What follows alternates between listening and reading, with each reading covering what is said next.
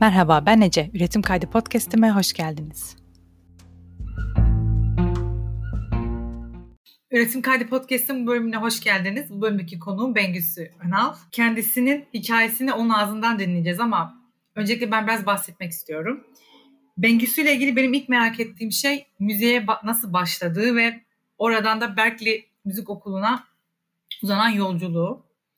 Bengüsü sana ilk sorum şu müzikle ilk tanışman yani daha doğrusu bu kadar duygusal bağ kurman ilk ne zaman oldu ve hangi yaşlarında oldu? Özellikle bizim mesleğimizdeki üretim sancılarını dile getirebilecek olmak çok güzel bir duygu. Yani hani şarkıcı olmanın dışında bir de müzisyen olarak burada insanların karşısına çıkabilmek gerçekten çok güzel bir duygu. Müzikle aramızdaki duygusal bağ ne zaman başladı? Ya klasik bir cevap vereceğim ama çocukluktan beri aslında biliyordum müzikle böyle ilgileneceğimi diye bir cevap vereyim sana. Ama gerçekten öyle oldu yani hani kendimi bildim bileli şarkı söylüyorum ben. Yani hani işte anaokulunda işte çocuk korosunda solo söylemekle başlayan falan ama daha liseye geldiğimde evet ben bu işi profesyonel olarak yapmak istiyorum. Benim hayatım gerçekten bu olsun istiyorum dediğim noktaya geldi. Avantajlarımdan biri de şu oldu. Biliyorsun malum günümüzde gençlerin şöyle bir sorunu var. Yani üniversite sınavı diye bir şey var. Hadi puanımız nereye yeterse o okula girelim de o bölümü okuyalım gibi bir saçmalık söz konusu. Ama ben şanslı olanlardanım ve çocuk yaştan itibaren ne okumak istediğimi ve ne yapmak istediğimi bilir şekilde hareket ettim. Bundan dolayı da aslında kendimi çalışıyor gibi hissetmiyorum. Yani sevdiğim şey işim olduğu için şevkle ve aşkla yapıyorum bunu. Ve Berkeley'e gidişim de aslında bununla oldu tamamen bir um, inatlaşma sonucu işte hadi müzik okursun okumazsın. Biliyorsun herkesin ailesinde şöyle bir algı var. Yavrum başka bir meslek oku da müzik hadi e, işte hobi olarak kalsın falan derken ben dedim ki hayır ya niye hobi olarak kalıyor? Kalmasın. Ben mesleğimin bu olmasını istiyorum. Müzik de bir meslek. Herkes tarafından, tarafından artık kabul edilmesi gereken diyerek ee, böyle bir yola çıktım. Ailem ben bu karar verdikten sonra beni gerçekten çok destekledi. Yani onları asla hani es geçemem bu noktada. Çünkü hani ben kendim çok çabaladım ama annem özellikle o da benimle beraber benim için çok fazla çabaladı. Ve kalktık böyle bir maceraya atıldık. Atladık gittik Amerikalara. Ha, bekliyor muydum böyle bir şey yaşamayı? Kesinlikle hayır. Çünkü okula giderken amacım aslında okulu bitirir Türkiye'ye dönerim falandı. Ama kaldım Amerika'da pandemide de hep beraber aslında gördük yani Amerika'ymış, Fransa'ymış, Japonya'ymış, dünya aslında küçücük. Online olarak, bak seninle de bugün online olarak buluşuyoruz aslında. Her yerde, her şekilde var olabiliyoruz. Böyle böyle derken de bir hikaye yazmaya başladık yani. Çok iyi ya. Yani böyle baktığında sadece, sadece o ilk cesareti bulabilmek, yapabilmek o kadar kıymetli ki hani o yola çıkmadaki o ilk cesaret. O çok zor geliyor ama geldi mi de gerisi aşırı akıyor yani kesinlikle. Bir de şöyle bir şey varmış. E, bunu diğer röportajında duydum. Sen red demişsin burada. Yani Türkiye'de red almışsın. evet doğru. Ben İstanbul Üniversitesi İstanbul Üniversitesi Devlet Konservatuvarı'na başvurmuştum. Müzikal okumak istiyordum burada ama Türkiye'de maalesef müzikal sadece yarı zamanlı olarak var. Girdim sınava Dediler ki biz seni operaya alalım. Ben dedim ki ya bak opera saygı duyduğum çok güzel bir şey okey ama bende bir opera ruhu yok. Yani şimdi bunu da gerçekten mesela ben tutup arabesk söyleyemem. Ya da ne bileyim Türk sanat müziğini layığıyla söyleyemem. Yani Zeki Müren diye biri var hayatımızda. Hani onun yanında tutup da ben de Türk sanat müziği söylüyorum diye taş olursun yani. Hani öyle bir şey yok. O yüzden de Böyle bir opera ruhu da bende olmadığı için ve sevmediğim bir şeyi yapmak istemediğim için ben de dedim ki ben opera okumak istemiyorum. Onlar da dedi ki o zaman biz de seni almıyoruz. Ben de dedim ki sizin canınız sağ olsun. E sonra da bastım Amerika'ya gittim. Yani hani o yüzden bir sıkıntı yok. Ben, hayırlısı buymuş yani. Belki Türkiye'de konservatuara girseydim bu kadar çok istediğim şeyi yapamayacaktım. Müziğin sadece belli normlardan oluştuğunu düşünecektim ama şu anda müziğin aslında hayatın her alanında, her yerinde olduğunu görebilir şekilde hareket ediyorum ve yaşıyorum. Bu da benim avantajım oldu bir şekilde. Ama buradan yani çıkaracağımız ders ne olabilir? E, hayatta herkes reddiyor. Hiç sorun değil arkadaşlar. Bir yerden reddedilmiş olmanız demek sizin o işe layık olmadığınız anlamına gelmiyor.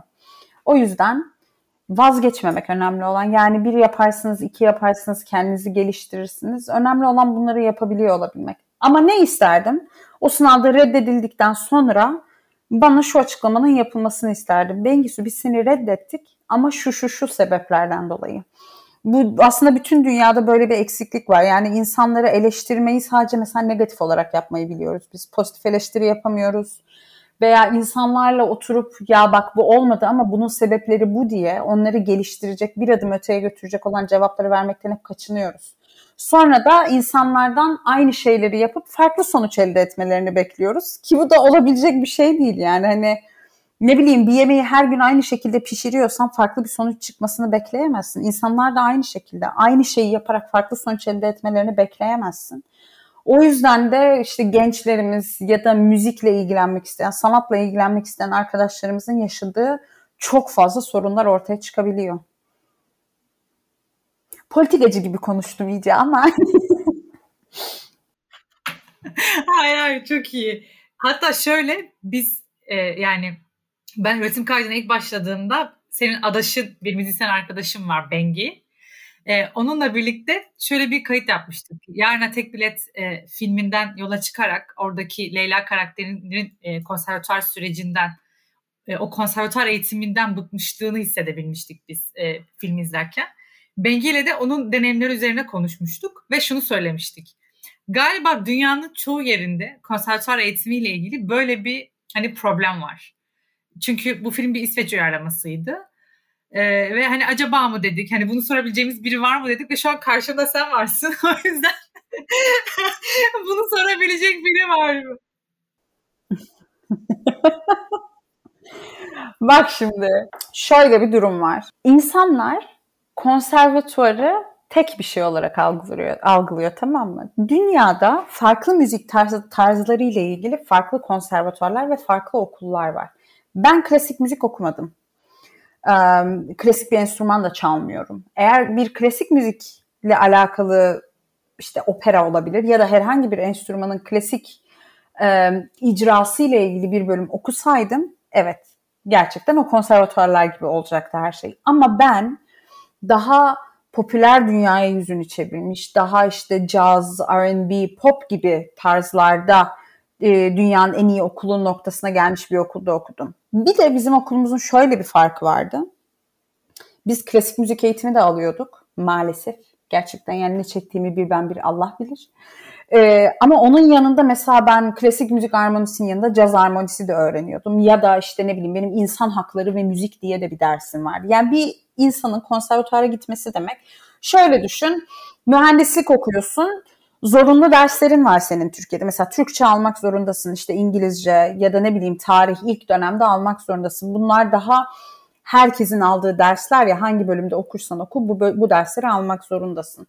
E, bunlara Amerika'da böyle liberal arts dersleri diyorlar. Yani e, direkt Türkçe'ye çevireceğim. Skandal bir çeviri olacak ama özgür sanatlar gibi bir şey oluyor. Yani bunu hangi bölümde okursan ol, kim olursan ol okuman gereken dersler.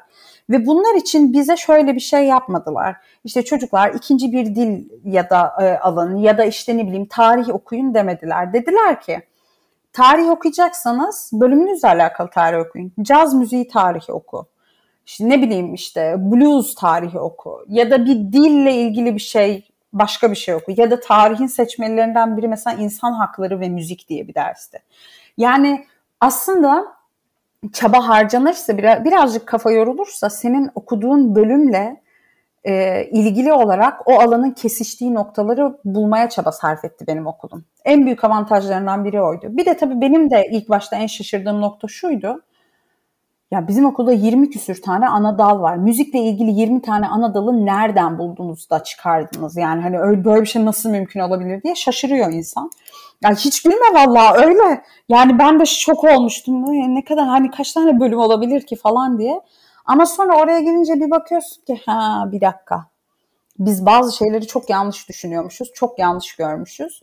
Bu bizim ya da toplumumuzun ya da ülkemizin bir hatası değil. Bu bütün dünyanın aslında yanlış algıladığı bir şey. Müziği sadece icra edilen bir sanat olarak görmemek gerekiyor. Müziğin aslında ne kadar dolu olduğunu görmek gerekiyor. Bak tarihin başından beri müzik var.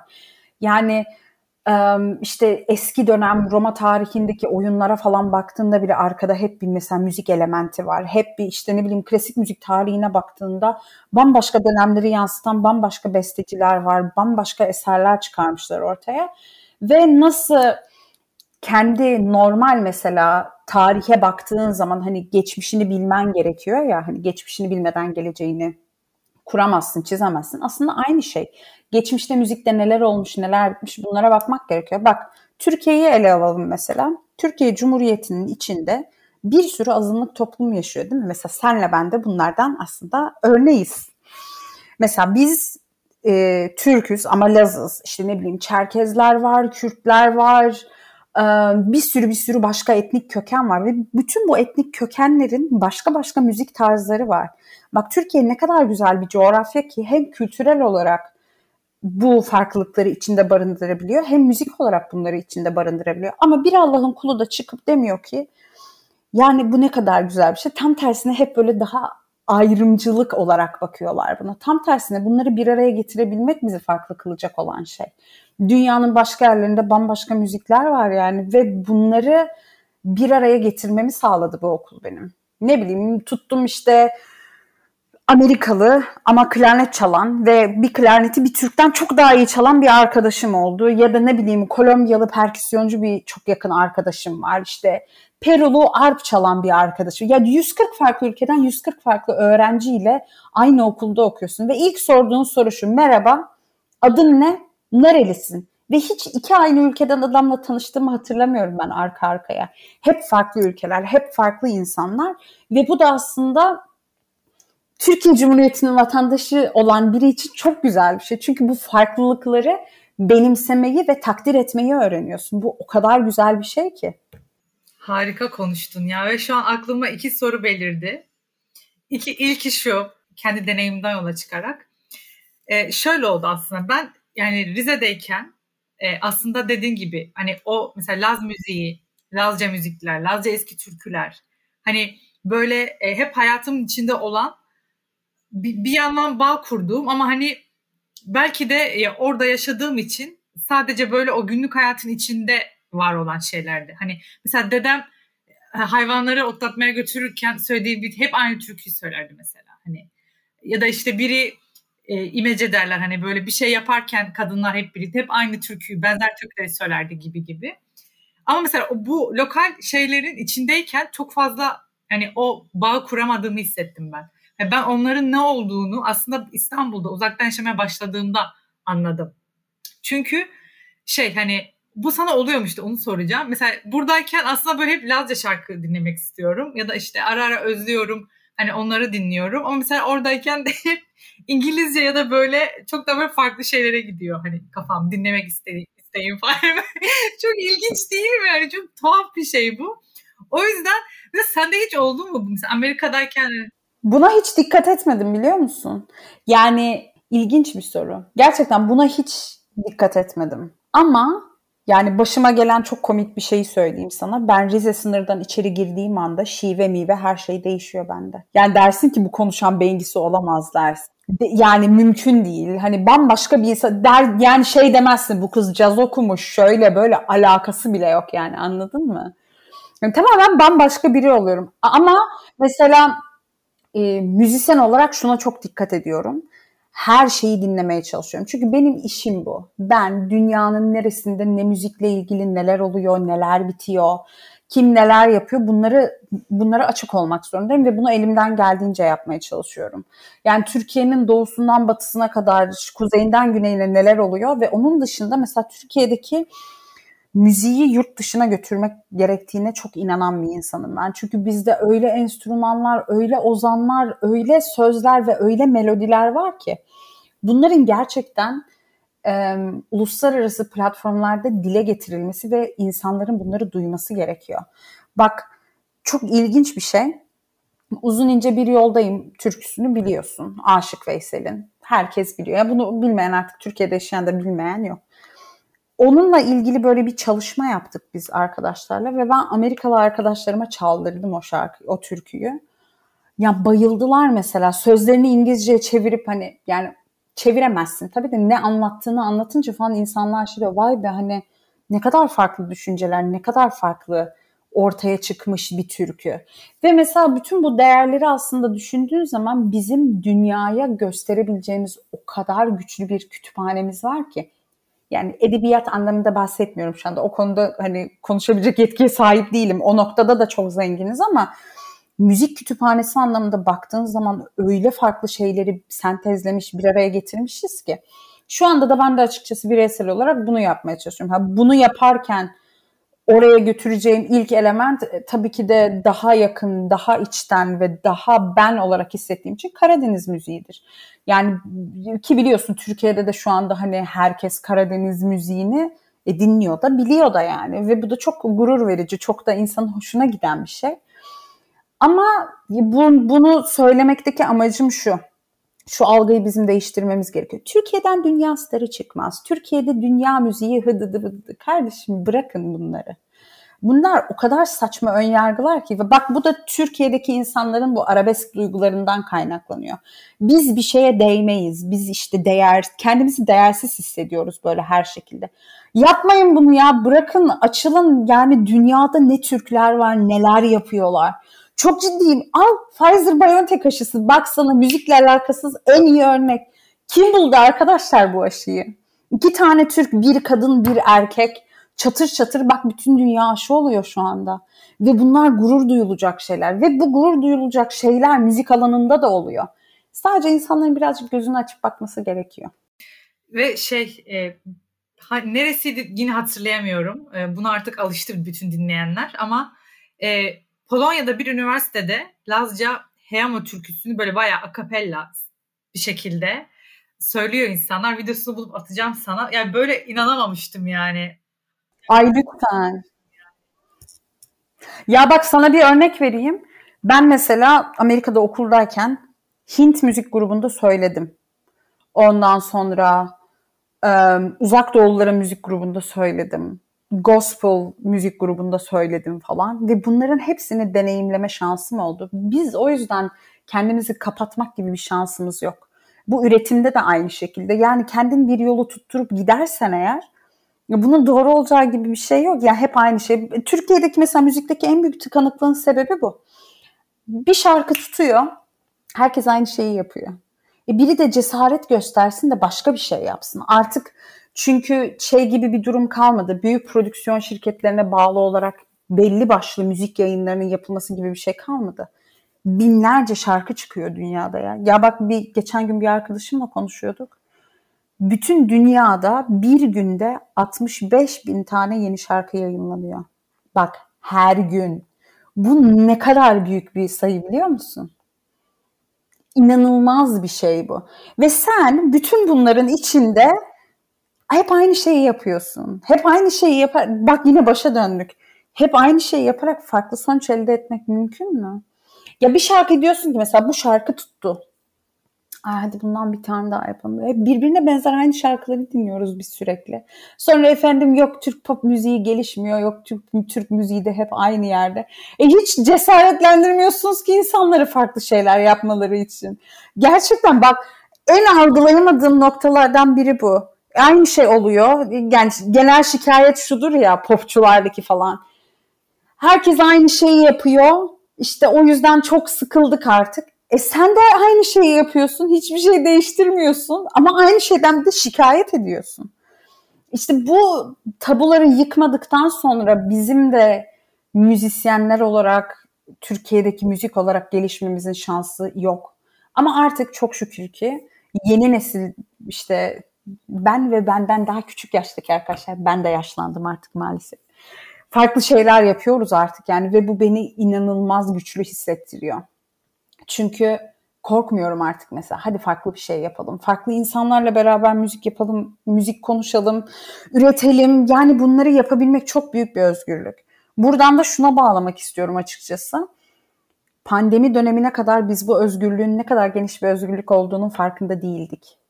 Çünkü herkesin başka bir işi vardı, başka bir meşgalesi vardı. Hayatı bir yerden böyle yakalamaya çalışıyorduk sürekli. Ay yok işte sahneye çıkacağız da oydu da buydu da bak her şey bitti. Elimizden aldılar her şeyi bir anda. E ne kaldı? Evde oturup üretiyoruz sadece. Bir tek o kaldı. İşte bir tek o kalınca da insanlar artık dedi ki ben bu kalıplardan çok sıkıldım. Benim başka şeyler üretmem lazım. Ama sonra da diyorsun ki işte günde 65 bin şarkı yayınlanıyor. Bunların içinden ben nasıl sıyrılacağım? Farklı olacaksın ki sıyrılacaksın.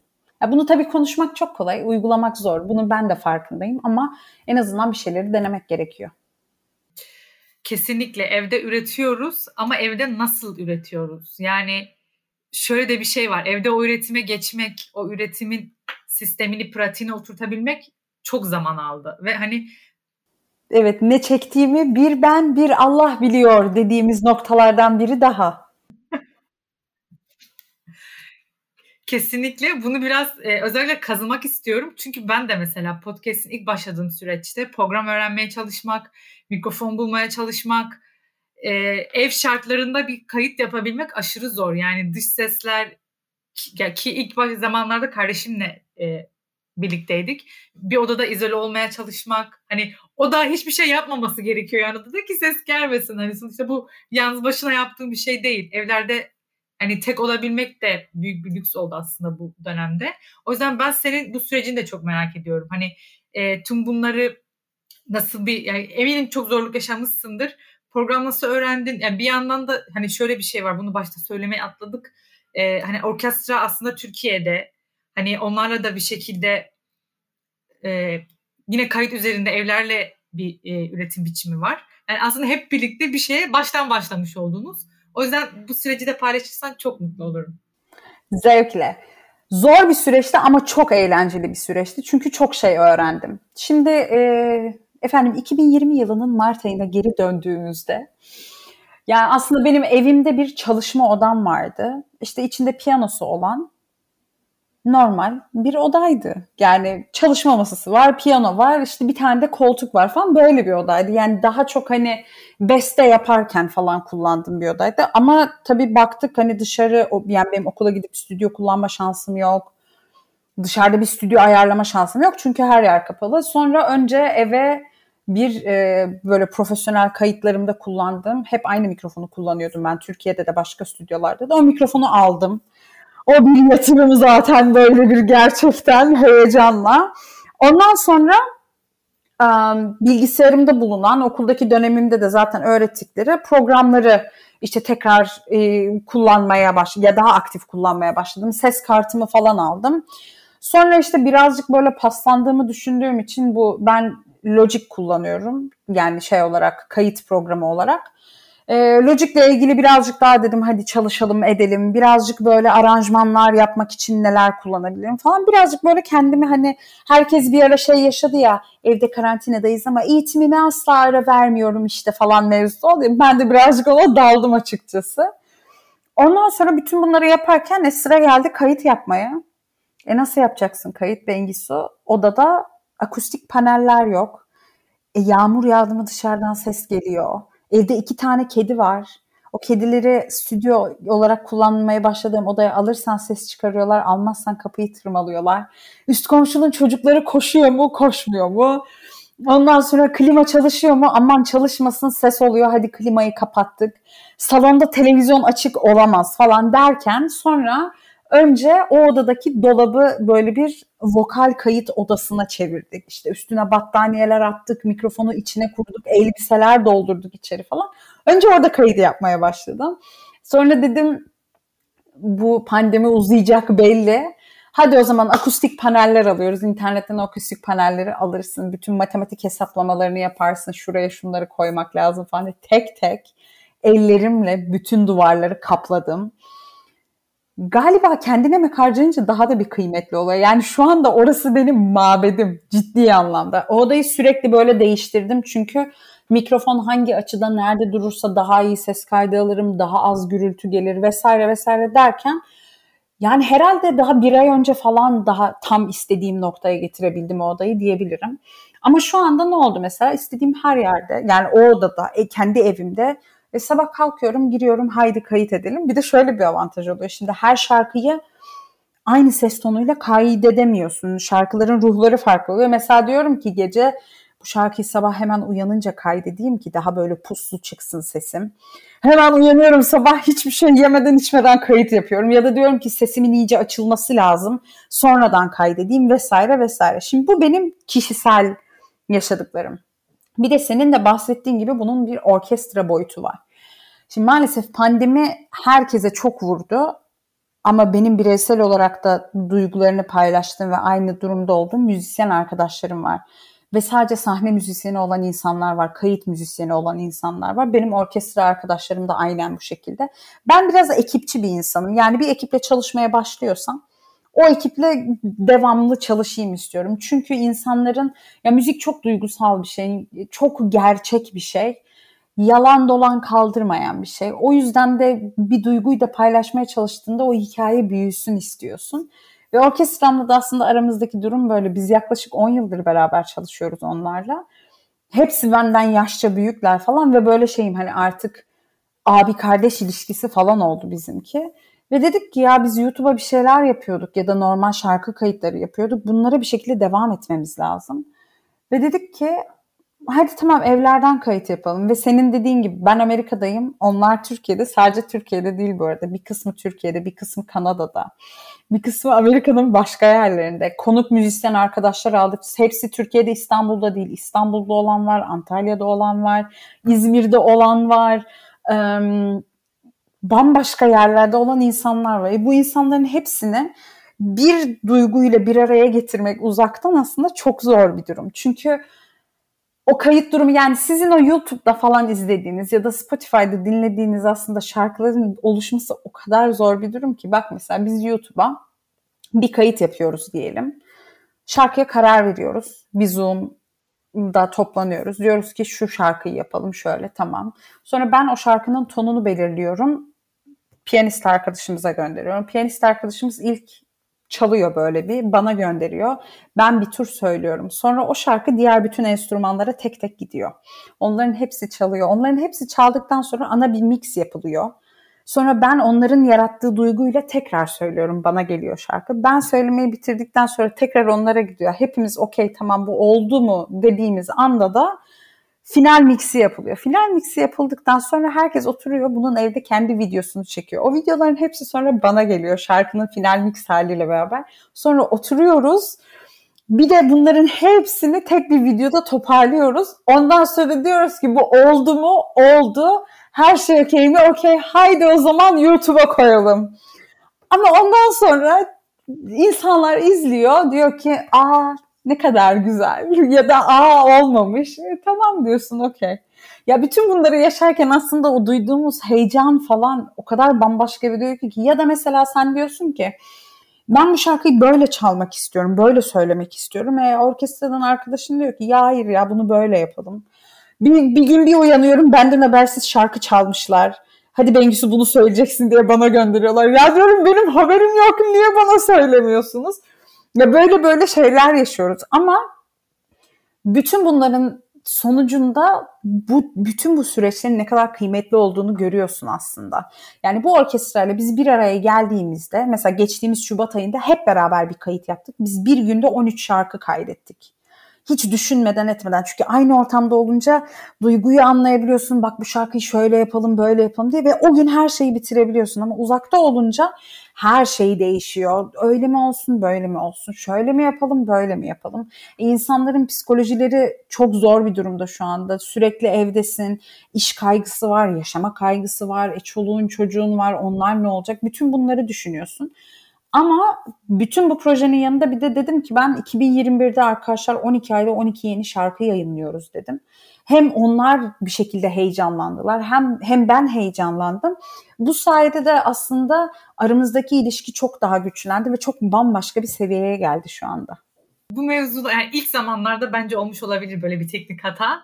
Yani kaydettik zannettiniz ama mesela olmamış ya da işte hani bir, bir teknik bir sorun çıktı ya da dediğin gibi son kısma geldiniz ama yani içinize sinmedi paylaşmak istemiyorsunuz. Yani bu bunu çıkan işi beğenmediniz. Oldu mu bu hiç? Sen daha skandalı oldu. Daha büyük skandalını yaşadık. Yaptık, bitirdik. Herkesten onay aldık diye videoyu editleyen arkadaş sen koy internete aç videoyu. Ve biz bunu 3 saat falan fark etmedik. E, kaldırmak zorunda kaldık. Baştan yapıldı her şey. Ya. Aa. Yani neler neler oluyor canım. Ya da mesela ben şarkıyı şarkıyı bir ton yani mesela diyorum ki bu şarkıyı re minör yapıyoruz arkadaşlar. Şarkının altyapısı bana bir geliyor işte bambaşka bir tonda yapılmış. E, ben bunu böyle söyleyemem. Haydi en baştan yapıyoruz o zaman her şeyi. Ya da işte ne bileyim video geliyor yanlış mix kullanılmış falan. Tekrar onun işte mix değiştirilecek falan. Ya da maalesef benim çok yaşadığım çünkü orkestram canlarımın içi aşırı mükemmeliyetçi olabiliyorlar. Yok hadi bir daha yapacağız hadi aa şunu da ekleyelim aa şunu da ekleyelim falan hani o noktada bir dur demek gerekebiliyor bazen ve o anlarda geriliyoruz da. Yani bizim çok kan gözyaşı muhabbetlerimiz oluyor yani. Çünkü bir de uzaktayız. Hani kimsenin yani uzaktayız. E, bir de ben Amerika'dayım saat farkı var. Yani bana göre öğleden sonra dörtte konuşuyorsak e, Türkiye'de gece 12. Adamlar yorgun morgun oturuyoruz. Hadi arkadaşlar şu şarkıları konuşalım, şöyle yapalım. E, hayatlarında başka sorunlar olabiliyor. Onları da paylaşıp konuşmak zorundasın falan. Ama ben de biraz işkolik bir e, ruh hastasıyım. O yüzden şey olabilir. Arkadaşlar hadi yani WhatsApp falan var Allah'tan anladın mı? Hani sürekli bir iletişim haldeyiz. Bunu yaptık mı? Şöyle yaptık mı? Şunu yapalım mı? Böyle olsun mu? Yok hadi bir de ben şeye çok önem veren bir insanım. Bir iş yapıyorsak eğer o işin altında Bengisu yazıyor olabilir ama ona baktığın zaman aslında orada emek harcayan herkesin işi o. Ve ben şunu düşünüyorum. Bir işin altına imzanı atıyorsan o işe emek veren herkesin gerçekten e, ne denir helalliğini almak zorundasın yani. Herkes emek harcamış ona. O yüzden kimsenin onayı olmayan bir işi paylaşmak istemem ben. Hoşuma gitmez bu. Ve bazen mesela insanlardan cevap bekliyorsun, vermiyorlar. Vermeyince sen geriliyorsun. Haydi yine tartışıyoruz falan böyle. Yani e, çok yükseldiğimiz, çok alçaldığımız, dalgalı denizler gibi, Karadeniz gibi olduğumuz e, bir dönem geçiriyoruz diyebiliriz aslında. Ya bunda üretimin tuzu biberi Ve yani hiç, diyormuş. hiç kolay değil. Tabii. Tabii ki. Ya bak çok eğlenceli bir şey. Ciddi söylüyorum çok eğlenceli bir şey. Çünkü sıfırdan bir şey yaratıyorsun. Bu bambaşka bir duygu. Ama ben daha konuşmamızın başında da dedim ya eleştiri sadece negatif olmamalı. İnsanların ne emekler harcayarak, ne zaman harcayarak, ne manevi duygularını ortaya koyarak bir şeyleri ortaya çıkardığını anlamak gerekiyor. Beğenmemek başka bir şey ama saygısızlık olduğu noktada ben gerçekten çok kırılıyorum ve maalesef Türkiye'de bu saygısızlık konusu hat safhaya çıkmış durumda. Katılıyorum. Yani ben şeyi anlamıyorum. Ee, olmamış kelimesine ben biraz takığım. Yani şöyle olmamış kelimesine takığım. Ee, bunu hep şöyle söylüyorum böyle hani bu üretim kaydı çıkmadan evvel aslında hani insanlara anlatırken zaten üretim kaydı biraz da öyle evrildi. Ya mesela bir şey izliyoruz ya da bir şey dinliyoruz falan böyle hani birilerinden olmamış yorumunu ben de duyuyordum hani çevremdekilerden ve ben böyle anlatmaya başlıyordum. Diyordum ki bu kişi bunu bunu bunu bunu bunu yapmak istemiş. Hani kendisi böyle söylüyor. Bu hissi almıyor musun bunda? E, bu hissi bundan almıyorsan evet belki olmamış diyebilirsin. Çünkü bu kişinin yapmak istediği bu.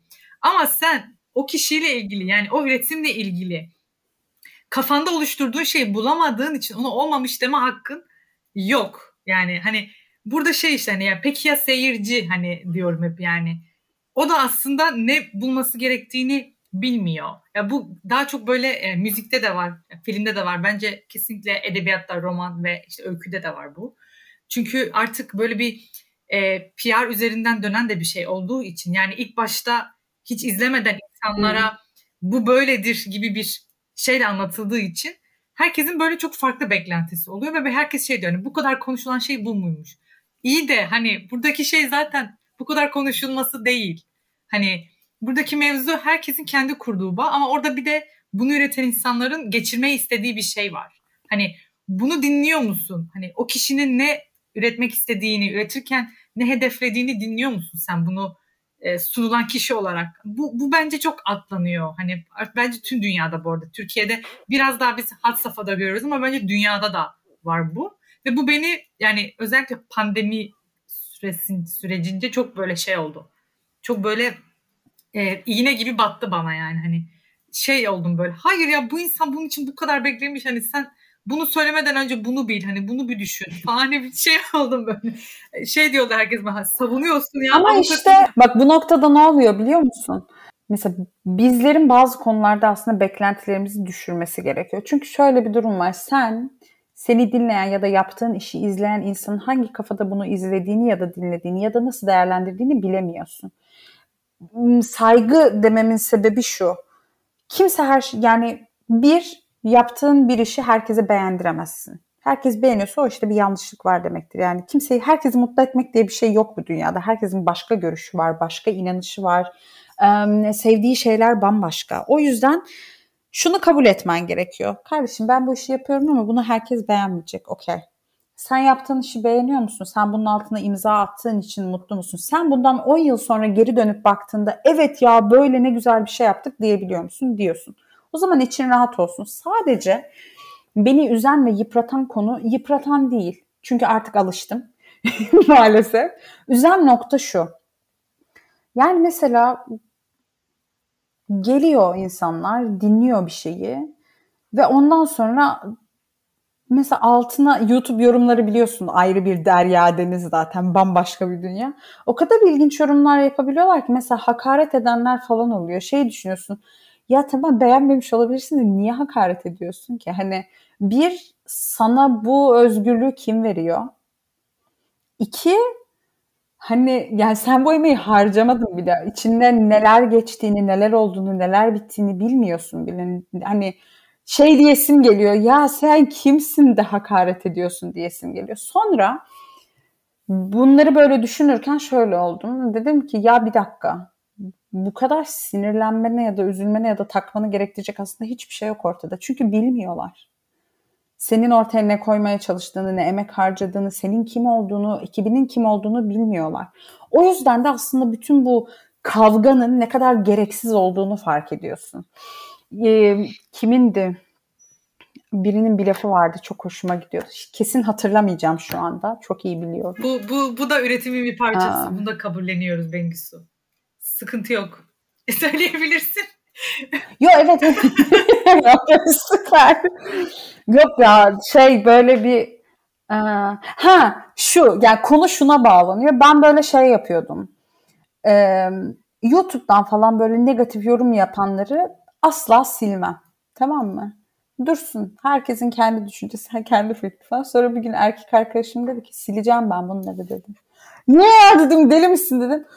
Ya dedi bana ne kardeşim kimsenin dedi böyle bir şey yapmaya hakkı yok. Ben dedi müsaade etmiyorum. Sen silmiyorsan da ben sileceğim dedi. Ya da hepsinin altına yorum yapacağım dedi. Ya dedim saçmalama gerek yok öyle şeyler yapmaya. Yani mesela ben ikna oldum onu ikna edemedik hala. Bekliyoruz kendisinin ikna olmasını heyecanla. Ama hani bütün bunlar hayatın gerçeği. Bir de şunu düşünmek lazım. Yani oraya o yorumu, o nefreti kusan insanın aslında başka bir kini var anladın mı? Yani başka bir şeye kinleniyor, kinleniyor. Hiçbir şey yapamadığı için seni izliyor ya da görüyor, buluyor bir yerden hakaret ediyor, bir şey yapıyor. Böyle bir şey elde etmiş gibi hissediyor kendini. Ama işte senin yaptığın bu program sayesinde, bu tip şeyler sayesinde aslında insanların ne kadar emek harcadığını görüyor olacaklar diye düşünüyorum. Çünkü yine sadece Türkiye'de değil bütün dünyada maalesef böyle alt seviyeye çekilmeye çalışılan, değeri bilinmeyen, kıymeti bilinmeyen en önemli şey emek.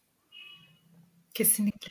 Yani dünyada insanlar ne emekler harcıyor. Ya bak bir fırıncı mesela sabahın köründe kalkıyor gidiyor fırına o ekmeği yapmak için emek harcıyor, çaba sarf ediyor, ellerini yakıyor ya. Fırınla mücadele ediyor sonra ekmek çıkıyor sonra sabah sen sabah oturuyorsun ya mesela işte ekmek evine geliyor ya da gidiyorsun alıyorsun ya da işte çoluğunu çocuğunu gönderiyorsun ekmeği alıyor geliyor çat diye kırıp o ekmeği yiyorsun bitti gitti. Ama hiç şey düşünmüyorsun ya bu ekmeğin arkasında aslında nasıl bir hikaye var bu ekmek nasıl oluşmuş. Hadi ekmeği bırak doğayı mahvettik ya baksana ortalığa küresel ısınmaydı oydu böyle hiçbir şey kıymetini bilmiyoruz gerçekten. Ben bu programın sonunda müziğe falan veda edip e, emekli oluyormuş artık o noktaya gidiyorum çünkü. Yok yok mutlu şeylerden de bahsedeceğiz. E, hiç şey yok geliyoruz oralara da. Bu arada teşekkür ederim. Ay yok yok. Resim kaydı için söylediğin şeyler için de çok teşekkür ederim. Çok kıymetli. Yani aşırı mutlu ediyorsun şu an beni. Ve şunu söyleyecektim. E, bizim ikinci yani bülten olarak yayınlamaya başladığımın ikinci e, kaydı. Bu üretim kaydının isim ilhamını veren e, iş işi yapan kişi Merve Ünsal ve Selim Sümer'le konuşmuştuk. Onun atölyesinde görmüştüm ben.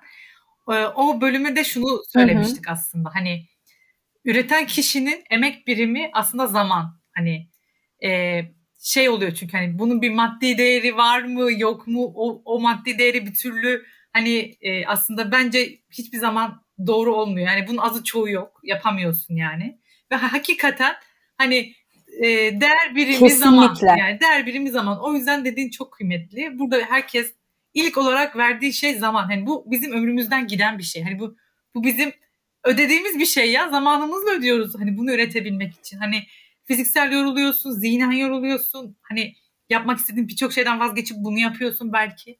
Hani burada bu emek birimi zaman. Hani bunu gerçekten daha fazla konuşmak gerektiğini düşünüyorum ben de. O yüzden teşekkür ediyorum tekrar geldiğin için. Ve hemen e, bir diğer soruma geçiyorum. E, bu eğitim süresi boyun Buyurun. eğitim süresi boyunca ya bence vardır kesinlikle böyle bir ders. Biraz klasik müzik derslerinden bahsederken sezinledim bunu. Ya ben bunu hani nerede uygulayacağım? Allah kahretsin bu ben neden öğreniyorum dediğin. Ama hakikaten de işine yarayan bir ders var mı? Çok merak ediyorum. E, az önce anlattığım mevzu. Kendi odamı stüdyoya çevirirken dedim ya işte akustiğini hesapladım falan. Bizde zorunlu akustik dersi vardı. Ama yani akustik matematik yani hani anladın mı? Oturuyorsun işte sana bir odanın işte boyutunu veriyorlar. Bu odanın işte şöyle bir enstrüman konacak işte şöyle bir ses sistemi yerleştirilecek. Bunun akustik hesaplamasını yapın falan. Baya deli gibi sınavlara falan giriyorduk ve ben de diyordum ki ben nerede kullanacağım? Stüdyo yapacağım da bu işi yapacağım da bunu kullanacağım da ve gerçekten yani o ders notlarımı çıkardım odayı ölçtüm falan böyle. Ondan sonra tek tek hesapladım. Çatır çatır da yaptım. Hiç de demezdim kendime yani Bengüsü bir gün oturacaksın da bunu kullanacaksın falan diye. Ama o kadar güzel bir his ki bu. Yani mesela oturuyorsun ya erkek arkadaşım falan şey diyordu böyle. Ne yapıyorsun ya diyordu. Hani elinde mezura, metre böyle ölçüyorsun falan ama gerçekten kullandım bunu ve bu çok güzel dedi. Yani bunu mesela şeyde de çok yaşadım. Ee, mesela armoni dersi falan bir sürü şey öğreniyorsun. Armoni biraz matematik gibi. Kuralları var işte caz armonisine da klasik armoniye göre değişen kuralları var ve bunun detayları var ve bunu ben hiç böyle ezber yapmayı sevmem. Daha böyle mantığa oturarak, oturtarak öğrenmeye çalışan bir insan oldum. Ama mesela belli bir noktada yani 4 yıl okuyorsun. 4 yılın 3 yılında full böyle matematik gibi bu formülleri öğreniyorsun, kuralları öğreniyorsun. Bunlar neye nasıl yansır, hangisi hangisiyle kullanılır, hangisi kullanılmaz falan bunları öğreniyorsun. Ve bunu ya üçüncü yılda falan şey diyorsun ya kardeşim ben bunları öğrendim de ben bunu ne zaman nerede kullanacağım diye. Sonra mesela bir beste yapmaya başlıyorsun. Bir yerde tıkanıyorsun sonra o kurallar geliyor aklına. Diyorsun ki Aa, aslında bak burada şöyle bir kadans yapmışım bunun yani şöyle bir geçiş yapmışım. Bunun ardından bak biz bunu öğrenmiştik. Şunu kullanabilirim ve kulağına hoş geliyor ve bir şey üretmiş oluyorsun bilgilerini kullanarak. Bunlar aslında o kadar kıymetli ki. Ama yani ben de çok öğrenciyken ki bir de ben okul sevmeyen bir öğrenciydim. Yani hani ben, St. Joseph mezunuyum lise. Bana hocalarım şey diyordu sen arka kapı mezunusun diyorlardı. Sen okula geliyor muydun, gelmiyor muydun, neydi, ne değildi? Ki düşün ben müziği isteyerek okudum yani. Hani gerçekten çabaladım oraya gitmek için. Yine de şeydim yani aman bugün de derse gidiyoruz falandım ama ona rağmen yani mesela derse girdikten sonra böyle şey oluyordum. Aa böyle bir şey varmış. Ya da mesela bir şey dinliyorsun ya biz mesela işte okulun ilk senesinde şeyi falan evlilik marşını falan dinliyorduk. Mesela onun içindeki kuralları öğreniyorduk falan. O kuralları ayırt ediyorduk falan. Mesela bazı kurallar şu anda hala o tip şeylerden dolayı aklımda benim yani anladın mı? Ya çok eğlenceli bir şey ya. Bak anlatırken bile heyecanlanıyorum böyle. İşte insanların kendilerini böyle heyecanlandıran şeyler bulması lazım. Kesinlikle katılıyorum. Ya bu bir nefes alma biçimi ya. Hani yani bu, bu bence kesinlikle bu yani. Bu nefes aldıran bir şey. Hani bunu kabul ettiğin zaman da gerçekten bir şey geliyor. Bir cesaret geliyor. Hani kendini tanıdıkça ve bunu yapmak istediğine emin oldukça. Ben şimdi üretim kısmı ile ilgili hani kendimde e, böyle çok bütün disiplinler arasında gidip gelen bir e, şeydeyim. Yani çok böyle sinema mı, müzik mi, hı hı. işte yazmak mı falan hani böyle gerçekten bunu büyük bir yüreklilikle söylüyorum üretim kaydında kayda geçsin diye. E, ama bu yani şu an bu yaptığımız şey hani insanların üretimlerini anlatmak şu an bana gerçekten ciddi anlamda nefes aldırıyor. O yüzden de e, bültende hep böyle işte üretmeye çalışan bana notum ve ben ne öğrendim bu kişiyle konuştum diye bir kısım var. Bu da hani aslında bir nevi benim üretim yolculuğum olacak belki de. Onu da göreceğiz diyorum. Artık şarkılara geçmek istiyorum. Yani şarkılarla ilgili sormak istediğim bir soru var. Özellikle bunu çok merak ediyorum. Bir dost bulamadım. Bana bunun ortaya çıkış hikayesini anlatır mısın? Yani gerçekten. Çünkü zevkle. Çünkü şöyle e, ya benim özellikle e, yani eski yani aşık edebiyatı diye hani biz ders görmüştük e, fakültedeyken. Ama benim özellikle bu sazla olan bağım ve hani tüm bu o dönemde çıkan yani işte 14, 15, 16. yüzyılda çıkan tüm bu e, şiirlerle ilgili yani özel bir ilgim var. Okuduğum bir alan yani. E, ve şey şöyle hani sen de başta söyledin anılarda hani Aşık Veysel'in anlatmak istediği şey anlattım. Hani herkes şaşırdı dediğin şey. Hani çok evrensel, yılı, yüz yılı hiçbir şey yok. Bu kadar sade bir şeyle bu kadar e, hani bu hissi geçirebilen çok az şey var bence hala daha günümüzde. Ve bunu bu tarz bir coverlama hani ben şey oldum böyle nasıl ya dedim. Hani Bengisi bunu nasıl yaptı? Hani çünkü çok iyi. Hani anlattığı şey kesinlikle şu anki yüzyıla uyuyor. Ama şu anki yüzyılda bunun böyle söylenmesi gerekiyor gibi. Hani çok aşırı böyle derin bir bağ kurdum yani. Ya teşekkür ederim. O yüzden onun hikayesinde o nasıl çıktı ya? O ben çok aşırı merak ediyorum şu an. Şöyle şimdi bizim Amerika'da böyle bir arkadaş grubumuz var. Bu arkadaş grubundaki üç erkek arkadaşımız tatile gidiyorlar. Ondan sonra tatile gittiklerinde böyle müzik dinlerken bir tane arkadaşımız bu şarkının böyle Ajda Pekkan'ın söylediği versiyonunu açıyor. Diyor ya arkadaşlar çok iyi değil mi falan. Sonra bana mesaj atıyorlar. Diyorlar ki ya Bengisu böyle böyle bir şey var çok iyi. Benim erkek arkadaşımın da inanılmaz bir plak koleksiyonu var ama deli gibi yani. O da diyor ki bunun plağı bizde var. Hadi dinleyelim falan. Sonra ben bir dinledim. Um, Ajda Pekkan'ın söylediği versiyonunun aranjmanı Garo Mafyan'a ait ve Garo Mafyan öyle bir aranjman yapmış ki arada işte piyano sololar falan delirdim ben, çıldırdım yani gerçekten. Ama onun dışında da Volkan Konağı'ndan tut da Yavuz Bingöl'üne kadar aslında birçok insan seslendirmiş bu türküyü. Ama nasıl seslendirmiş? Var olan haliyle seslendirmiş.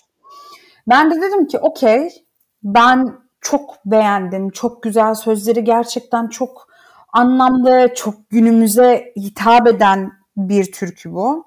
Bir halk türküsü bu. Ama Bengüsü sen bunu günümüze nasıl taşıyabilirsin? Ben yaklaşık 10 yıldır Jingle House'da çalışıyorum. Reklam, film müzikleri vesaire seslendiriyorum. Orada da benim gerçekten hani manevi babam, hani müzikle ilgili çok fazla şey öğrendiğim sevgili Ömer Ahun Bay. Oranın sahibi. Ve oradaki prodüktörlerden de Biricik Uğurcan Sezen. Ben onlara gittim. Dedim ki ya dedim böyle bir şey var. Ben tabii Ajda Pekkan versiyonu dinlettim. Şok oldular. Biz bunu nasıl duymadık bugüne kadar diye. Dedim evet duymamışsınız işte. Dedim ben bunu söylemek istiyorum. Ömer abi dedi ki Bengüs dedi okey ama dedim gel dedi bunu bugüne taşıyalım. Çünkü bu tarz yani eski tarz bir aranjman yaparsak bununla ilgili yani günümüzdeki müzik dinleyen insanlara çok hitap etmeyebiliriz. Dedim okey o zaman dedim madem farklı bir şey yapacağız Bengisu gibi duyulsun dedim. Sonra biz böyle daha funky daha farklı bir aranjman üzerine gitmeye başladık. Sevgili Alp Ersönmez kendisi bir e, bas gitarcı ve hayranı olduğum bir insan. O geldi bas gitarları falan çaldı. Böyle gerçekten çok değişik bir aranjman yaptık. Ve ben Amerika'dan Türkiye'ye geldim. Çünkü Amerika'da kaydetmek istemedim onu. Covid yoktu o zaman. Bir gün kaydettim böyle. Sonra dedik ki yok bunu böyle söylememek gerekiyor. Ve ben de sürekli Ajda Pekkan'dan dinlediğim için hep aynı şekilde söylüyordum. Yani onun gibi söylüyordum şarkıyı. Sonra dediler ki unut Ajda'dan dinlemeyeceksin bu şarkıyı. Kendin gibi nasıl söyleyeceksen onu duymamız lazım. Derken böyle bir şey çıktı ortaya. Çok teşekkür ederim bunu dile getirdiği için. Çünkü şöyle bir önemi var aslında bunun. Benim amacım o halk türküsüne bir saygısızlık falan etmek değildi. Tam tersine günümüzdeki insanların da yani yeni nesildeki gençlerin vesaire böyle sözlerin yazıldığını duymasını istedim. Böyle bir şarkının var olduğunu. Ama sonra yine aynı şey oldu. Bana tuttular dediler ki sen Türkiye'ye haksızlık ettin, hakaret ettin de böyle mi söylenir de falan filan. Ben de dedim arkadaşlar neden böyle yapıyorsunuz? Ama ortaya çıkardığımız iş ve sonuçtan o kadar mutluyum ki anlatamam sana. Çünkü hem Bengisi bu şarkıyı nasıl söyleri ortaya çıkarabildik hem Pir Sultan Abdal'ın o sözlerini tekrar günümüze getirebildik ve bu çok kıymetli bir şey. Yani dediğim gibi hani eskideki bu sözleri, eskideki bu kurulmuş cümleleri, melodileri günümüze taşımak çok önemli bir şey. Kesinlikle katılıyorum ve şey bence bu e, ya bu bizim olanı lokalleri gençlerle tanıştırmak için bu yolun ben doğru bir yol olduğunu düşünüyorum. Çünkü şöyle bir şey var hani buradan geriye doğru hı hı. yani şimdi bunun cover olduğunu öğrenip bunun bir yorumlama olduğunu öğrenip ilk halini dinlemek isteyen genç zaten buna ulaşacak. Zaten o şekilde öğrenecek. Yani bunu evet sen ona lisedeki edebiyat dersinde veriyor olsan bile ki yani bu bir gerçek. Hatta sen de kendi deneyimlerin bu yolda olduğunu söyledin. Hani oradan o hissi alamıyor yeni nesil yani. Bu da çok normal bence. Hani burada bunu deneyimleyip his olarak birleştirmek önemli olan. Ya ben mesela Altın Günü de çok seviyorum. Çok severek dinliyorum. Ve bence çok önemli yani onların Hı-hı. yaptığı. Bu hani tamamen globalde bu şekilde te- temsil edilmek bence çok iyi. Ve e, şeylerini de aşırı beğeniyorum ben. Yorumlamalarını da aşırı beğeniyorum. Bu yüzden sende de bunu görünce... Tarzları falan çok, çok güzel. güzel. Evet. Sende de bunu görünce ilk o yüzden bunu sormak istedim. Çünkü hani benim özellikle konuşmak istediğim ve böyle e, deştiğim bir konu çünkü sürekli. Bence çok iyi olmuş. Başkalarına takma dememe gerek yok zaten. Devam diyorum. bir de e, Bitmedi Daha ilk şarkın bu. Doğru mu biliyorum? Bitmedi Daha e, sözü ve müziği bana ait olarak yayınladığım ilk şarkı. Bu ilk şarkı. Ha, tamam. Ya onun o chill havası beni bayağı şey yaptı. Yani hatta bak Rizeli, bunu izlerken Rizeli olduğunu bilmiyordum ama e, şey oldum ben onu izlerken. Hani hakikaten böyle yazın ve böyle her ülkenin her yerinde dinlenebilecek bir şarkı. Hani öyle bir hissi geçti bana. O yüzden o yani sonuçta ilk söz ve müzik olduğu için hani o ilk üretim sancısına da biraz böyle girelim isterim. Girelim girelim. o, o kadar ilginç bir şarkı oldu ki. Şimdi bitmedi daha bir karantina bebeği. Ee, Nurettin Çolak var. Benim çok sevdiğim, beraber çalıştığım prodüktör DJ bir arkadaşım. Ee, ben Nurettin'e dedim ki Nurettin bana birkaç beat göndersene üstüne işte biraz böyle çalışayım falan. Nurettin bana full böyle pop altyapılar gönderdi. Dedim ki Nurettin hayır alternatif şeyler istiyorum ben dedim. Yani Türkçe pop yapmayalım dedim. Daha alternatif kalalım falan. Ona birazcık şeyi anlattım. Böyle kafamda nasıl bir şeyler olduğunu falan. Türkiye'de Türkçe chill lounge tarzında şarkı yapılmıyor. Bu şey bir yani daha zor bir tarz işte Türkçenin e, prozodik ve melodik oluşumundan kaynaklı olarak da zor olan bir şey. Ama dedim ki hani deneyelim bir şey kaybetmeyiz. Sonra Nurettin bana bu bitmedi daha ile ilgili örnek olabilecek bir tane e, beat gönderdi. Ben o beat'i böyle işte loop aldım ve o gün yazdım şarkıyı. Sonra Nurettin'e dedim ki bak böyle böyle bir şarkı yazdım dedim. Melodisi şöyle ama tarzı biraz şöyle değiştirelim falan. O da aranjman yapmaya başladı. Ama böyle biz sürekli şunu yaşadık. Bu şarkıda bir bitmedi daha havası var. Yani bir, bir böyle bitmedi o şarkı gerçekten. Sonra ben de dedim ki bitmesin. Şarkının adı da zaten bitmedi daha. Birazcık daha havada kalsın bir şeyler dedim. Daha hani yani çünkü madem daha önce çok fazla yapılmamış bir tarz yapıyoruz hani Türkçe'de. Ve dedim herhangi bir engelimiz yok. Yani hiçbir yani şey gibi bir e, durum yok. İşte mesela nedir? Türkçe, Türk Dil Kurumu, Türk Dil Kılavuzu vardır. Açarsın bir kelime anlamı yazıyordur. İşte edebiyat kuralları var falan filan. Müzikte öyle bir şey yok. Sınırsızsın, sonsuzsun. Yani bir şarkıyı öyle bırakamazsın diyecek hiç kimse yok. Ya dediğim gibi beğenir beğenmez sadece o kadar. Dedim ki bu dokunmuyoruz daha fazla. Çünkü şöyle öneriler geldi. Ya bu şarkı şöyle bir rap bölümü eklesen, işte biri rap yapsın şarkıda, şöyle böyle. Yani dedim dalga mı geçiyorsunuz benimle? Bana rap yaptırmaya çalışan falan da oldu böyle. Ya dedim arkadaşlar hayır yani yapmıyoruz öyle bir şey teşekkür ederim. Çünkü şöyle yani hani yapmacık duracaktı anladın mı? Şarkıya yakışacağını düşünsem yemin ediyorum ikinci dakika düşünmezdim. Hani okey olabilir derdim. Ama ya şarkı öyle bir şekilde ortaya çıkmadı ki. Bir de benim yani hani öyle bir geçmişim yok. Ben rap yapamam. Gerçekten bir aptal durumuna düşerim falan. Öyle hiç gerek yok öyle bir şey. Ve öyle bıraktık biz şarkıyı. Sonra ben o şarkıyı yayınladım. Ay çok komik. Klibini biz çektik bu arada. Tamamen yani hani imece usulü şarkı dediğimiz nokta. Ve ondan sonra şarkı yayınlandı. Benim böyle en yakın arkadaşlarım, çevrem dinlediğinde şu tepkiyi aldım. Nasıl ya? Sen böyle bir şarkı nasıl? Niye yaptın böyle bir şarkı? Nereden çıktı şimdi bu şarkı? Ve böyle oldu insanlar. Aa böyle bir şarkıyı Bengisu nasıl yaptı? Hani Bengisu'dan beklemediğimiz bir şarkı falan. Ondan sonra böyle aradan 3-4 gün geçti. Şey mesajları gelmeye başladı.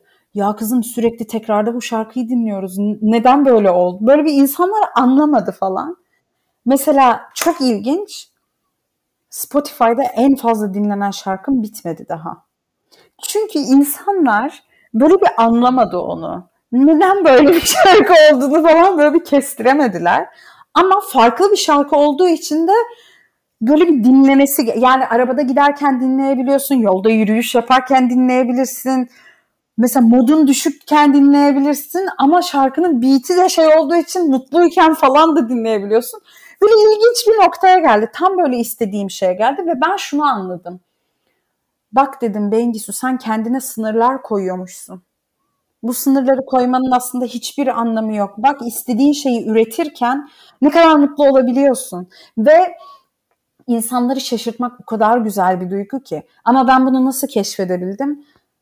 Ben kendime üretmek için bir alan yarattım. Ve sonra da dedim ki ben bu alanda korkmadan üretebileceğim.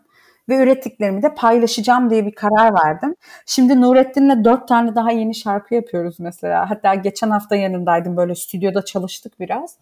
Yani o da şey diyor sakın hani yani benim Nurettin'e söylediğim bir tek şey var. Beraber şarkı yaptığımız zaman hani kafandan geçeni farklı olur diye sakın çekinme. Mayıs ayında bir tane şarkımız çıkacak Nurettin'le beraber. Yine sözü müziği bana ait, aranjmanı ona ait. Şimdi şarkıyı gönderdim ben Nurettin'e. Dedi ki Bengisu dedi bir aranjman yaptı. Tamamen pop, pop rock bir aranjman. Evet dedim ki ben sana demedim mi biz böyle şeyler yapmıyoruz hani öyle değiliz diye. Sonra bambaşka bir aranjman yaptık böyle. Hani artık o yani belirli kalıplardan sıyrılmaya çalışıyorum. Kendim ve müziğin, müziğim anlamında. O da beni çok heyecanlandırıyor ve bunun da en önemli sebebi e, üretmekten çekinmemek ve korkmamak. Onu anladım. Kesinlikle ya. Yani bir, bir kapı var Hani sanki ve hani o eşi atladığın an böyle bir akıyor ya hani ama o eşikten atlamak işte çok zor. E, onu o cesaret etmek çok zor. Ya bunun sadece özgüven eksikliğiyle alakalı olduğunu da düşünmüyorum ben. Hani bir noktada o özgüveni düşüren şeyleri ignor etmeye başlamak e, hani biraz o şeyi verebiliyor. Bu birazcık şununla alakalı. Dünyanın her yerinde etiket çok önemli bir şey tamam mı? Bu çok kötü bir şey ama maalesef insanları sınırlayan en önemli şeylerden biri etiket. Ben ilk single'ımı falan yayınlamaya başladığımda hep şey düşünüyordum. Kendi aslında şu anda farkına vardığım şeyi hatayı ben kendim de yapıyordum. Şu şarkı gibi bir şey. Mesela bak herkes şey sorar. Her röportajda sorulan ve benim gerçekten neden sorulduğunu hala anlam veremediğim bir soru. Bengisu kendini kime benzetiyorsun? Bengisu müziğini kime benzetiyorsun?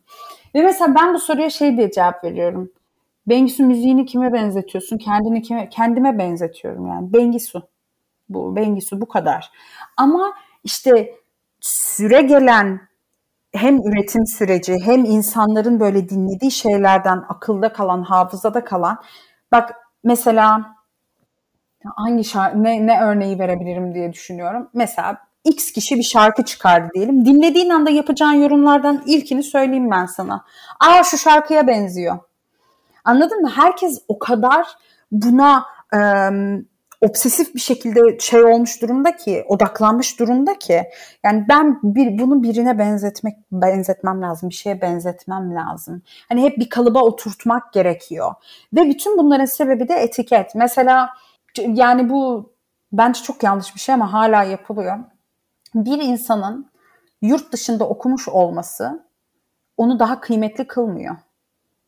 Ama bir mühendis, Türkiye'de bir üniversitede okuyup mezun olmuş bir mühendisle, Amerika'da ya da İngiltere'de ya da Fransa'da bir üniversitede e, okuyup Türkiye'ye gelmiş bir mühendis aynı işle ilgili bir iş görüşmesine girsinler. Her şeyleri bir olsun. Yurt dışından geleni almaya çalışıyorlar işi. Neden bu kadar mı güvenmiyoruz biz kendimize? Neden bu etiket bu kadar önemli? Ya da mesela bir ara şey mevzusu vardı ya okullu mu alaylı mı falan. Ya kardeşim bir insanın kendini geliştirmesiyle de alakalı bir şey bu. Ha mesela bana şey soruyorlar. E madem öyle diyorsun niye gittin Amerika'da üniversite okudun diye. Ben bu konuyla ilgili sahip olabileceğim en fazla eğitime sahip olmayı tercih ettim ve istedim. Ve bunun için çaba sarf ettim. Çünkü bu konuyla ilgili bilgi sahibi oldukça kendimi daha mutlu hissettim. Daha çok tatmin olduğumu hissettim. Ama bunu yapmaya fırsatı olmayan benden daha fazla yetenekli bir müzisyen vardır. Türkiye'dedir ya da ne bileyim atıyorum Zanzibar'da yaşıyordur. Ama emek harcadığı sürece doğru yere gelebilmelidir o kişi. Yani bu etiketlerle ilgili olan mevzudan dolayı çok büyük sorunlar yaşıyoruz biz. Yani şu an şey oldum. E, hani dediğin şey o kadar doğru ki hani şu kendi şu deneyimime gittim. Bununla ilgili bir şey yapmayı planlıyordum ben. Böyle bir fotoğraf serisi gibi bir şey planlıyordum ve böyle şey oldu. Yarım kaldı. Hı hı. Çok kişisel bir şey olacak ama söyleyeceğim burada yani. Ee, bunu ben çok düşündüm üzerine ve bu sen yurt dışı diyorsun ya aslında bu şu an şey içinde de var. Ee, yani Türkiye'nin kendi içindeki memleket yani memleketin nereliden gelen bir şey de var ve ben bunu aşırı yaşadım ve şey yapmıştım artık böyle bir gün. Arkadaş dedim ya kimse hani kimse bana bakınca beni neden görmüyor? Hani neden hani bu şey muhabbeti bu kadar fazla? Hani şey değil bu arada.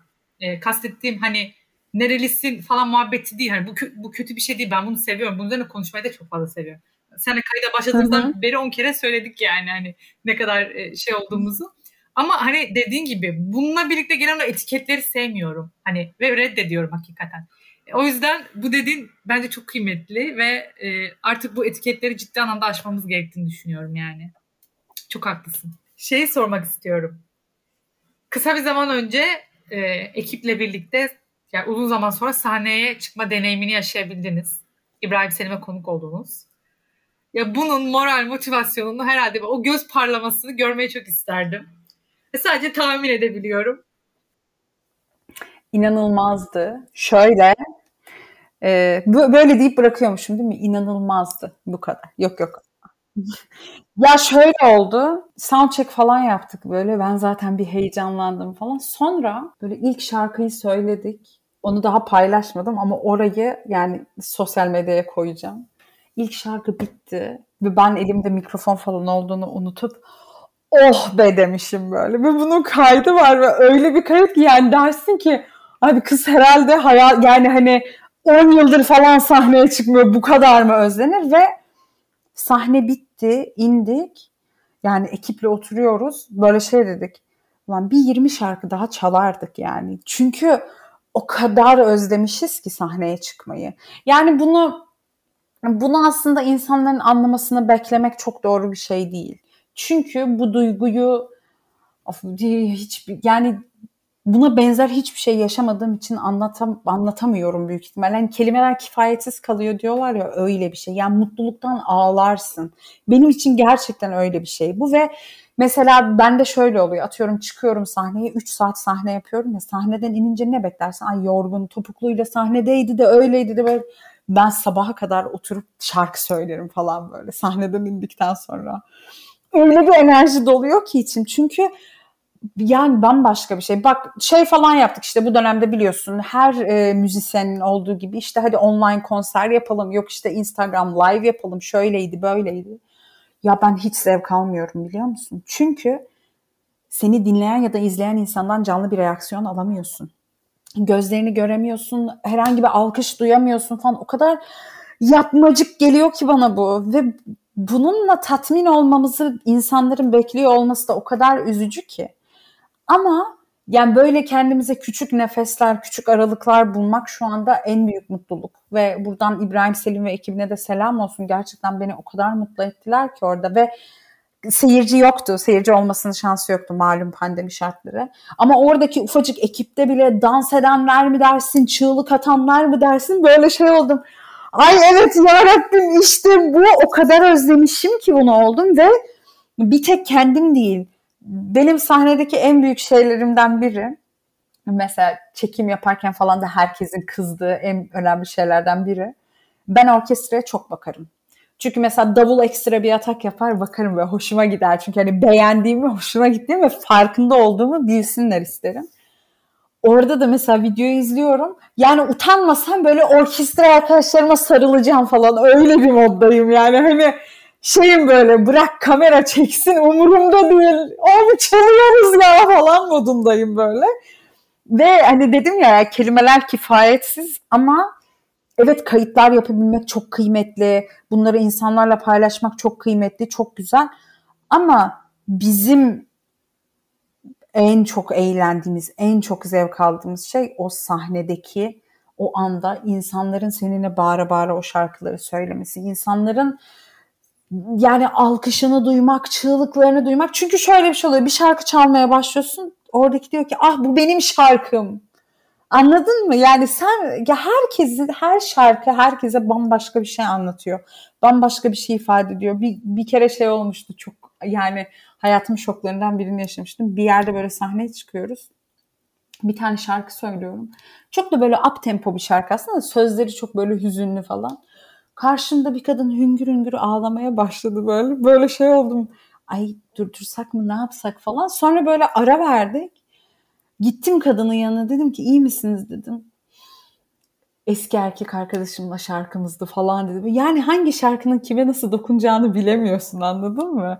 Ve bu o kadar güzel bir şey ki her şarkının herkesin anlattığı başka bir şey var. Bir de benim bir kuralım var. Ben bana bir şey ifade etmeyen şarkıyı, bir şey anlatmayan şarkıyı sahnede asla söylemiyorum.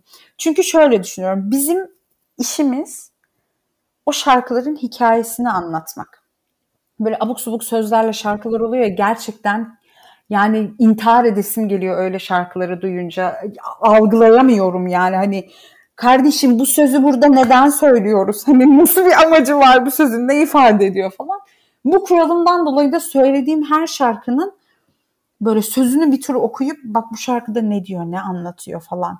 Yani bunu bulabilmek, bunu yaşatabilmek, aktarabilmek çok önemli. Mesela en son işte Sezen Aksu'nun bu gece şarkısını cover olarak işte e, single olarak yayınladık. O kadar naif bir şarkı ki. Mesela çok böyle yüksek bir alt, alt temposu olan çok böyle güzel bir aranjmanla yaptık bunu ama aslında sadece sözlerini alıp okuduğunda o kadar saf bir şarkı ki. Ve e, yani bunu o şekilde anlatabiliyor olmak çok kıymetli geliyor bana. Ben sahneye çıkmakla ilgili iki gün falan konuşurum. Daha fazla uzatmıyorum şu anda. o zaman şey e, şunu sorayım ya merak ettim. İlk konseri yani ilk böyle sahne konser ne zamandı? Ve orada kesin hatırladığım bir şey vardır. Hatta böyle kulis kulis anıları falan da varsa hemen böyle duymak istiyorum. Merak ettim aşırı. Ya bak bunun sahne öncesi çok komik bir hikaye. BKM Mutfağı biliyorsun ee, BKM Mutfağın BKM Mutfak diye bir de salonu var. BKM'nin arka tarafında. Hem res, eskiden işte restoran falan şimdi renove edildi falan. Orada böyle sahneler falan yapılıyor. Ben lisede okuyorum o zaman. Gidip e, o zaman orada çok böyle kimse o, gidip oturup şey yapmaz yani. Arada provalar falan yapılırdı. Ben de gidip orada otururdum. İşte benim Taksim'de oluyordu provalarım. Prova öncesi orada otururdum. işte çalışırdım. Sessiz böyle karanlık bir ortam hoşuma giderdi. Bir gün ben orada otururken bir kadın geldi oturdu karşıma. Haftada 2-3 gün buradasın sen dedi. Evet dedim çünkü sessiz hani güzel bir ortam seviyorum burada çalışmayı. Kimse de olmuyor çok fazla. Bir de gündüz saatte yani mesela ben okuldan 3'ü çeyrek geçe çıkıyordum. Vapur atlayıp geçiyordum karşıya. En geç 4'te orada oluyordum. İşte 6.30 gibi falan da kalkıp provaya gidiyordum. E, o saatlerde de kimse olmuyordu orada falan. Evet diyordu hani sessiz sakin. Sen kimsin dedi. E dedim ben öğrenci falan. Sonra dedi ki peki dedi neler yapıyorsun dedi. Ben dedim aslında şarkı söylüyorum, sahneye çıkıyorum falan. İyi dedi hadi burada sahne yap dedi. Bak beni hiç dinlemedi, hiçbir şey yapmadı. Hiçbir muhabbetimiz, sohbetimiz nasıl ya dedim. Evet dedi hadi dedi bir ayarlayalım dedi. Burada sahne iyi dedim okey. Ve ben ilk sahnemi BKM Mutfak'ta öyle yaptım. İlk kendi sahnemi. Bak çok tesadüf oldu. E, hatta 10 Şubat 10 Şubat'ta sahne yaptım. Çok beğendiler. 14 Şubat'ta özel bir etkinlik vardı orada. Orada da gelip çıkar mısın dediler. Dedim olur çıkarım. Sonra ben albüm lansmanımı BKM Mutfak'ta yaptım. Hayatım, o orkestramla hayatımızın en böyle eğlenceli konserlerini BKM Mutfak'ta yaptık. Yani benim için çok özel bir sahnedir orası. Ama dersen ki böyle en büyülü, en böyle gerçekten inanamadığın bir konser. Um, back vokal yapıyordum ben. Sezen Aksu'ya. İşte böyle bir ekiple back vokal yapıyorduk. Ve Sezen Aksu'yla Harbiye Açık Hava, Kuruçeşme Arena'da falan sahneye çıktık. Bak Kuruçeşme Arena o zaman hala Kuruçeşme Arena'ydı. Şu an ürperdim yalnız yani bir dakika. Bak şimdi, ama bak olaya bak. Kuruçeşme Arena'da sahneye çıkacağız. Or, yani ortam zaten yıkılıyor şimdi. Kuruçeşme Arena'da e, sahneye çıktığında şimdi seyirciler var. Biraz sol tarafa kafanı çevirdiğinde birinci Boğaz Köprüsü full Boğaz ayaklarının altında ve Dolunay var tamam mı?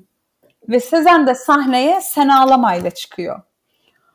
Abi bir çıktı sahneye. Ben zaten ben hüngür hüngür oh ağlıyorum sahnede. Çünkü o kadar güzel bir ortam ki ve Sezen Aksu söylemiyor, seyirci söylüyor. Binlerce kişi o şarkıyı sana geri söylüyor. Boğaz manzarası, gökyüzünde dolunay falan.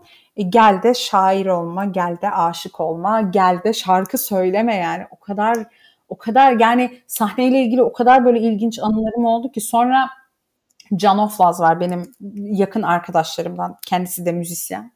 Ondan sonra Can'la her bir açık hava konseri sonrası böyle sahnenin ortasına gelip birbirimize söz vermiştik işte. Biz de müzikten asla vazgeçmeyeceğiz diye falan. Yani bu ya öyle o kadar böyle kilit anılar var ki kulislerde geçmiş o kadar komik şeyler var ki yaşanmış falan. Yani kulis kulis dediğin zaten bambaşka bir şey. Sahne öncesi gergin, sahne sonrası yine güzel sahneydi falan muhabbetleri. Ya o kadar güzel bir şey ki gerçekten.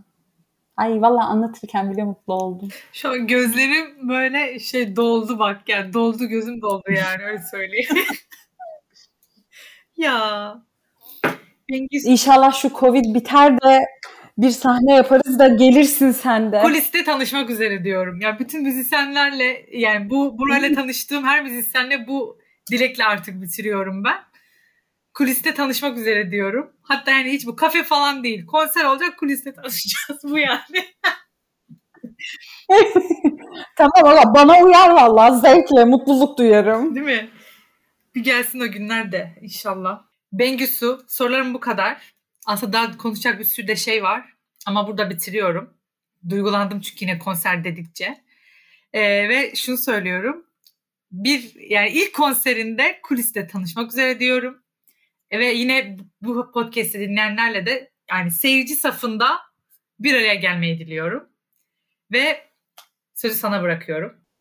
Ya çok teşekkür ederim. Gerçekten dolu dolu bir program oldu. Tekrar şunu vurgulamak istiyorum. Üretim kaydı gerçekten çok önemli bir program bence ve hani bir tek müzik anlamında değil yani üreten herkes için çok önemli bir program. Bunu da dile getirdiğin için insanları bu şekilde bilinçler, bilinçlendirdiğin için de sana teşekkür ederim. Hem çok eğlendim hem seninle kişisel olarak tanıştığım için çok mutlu oldum.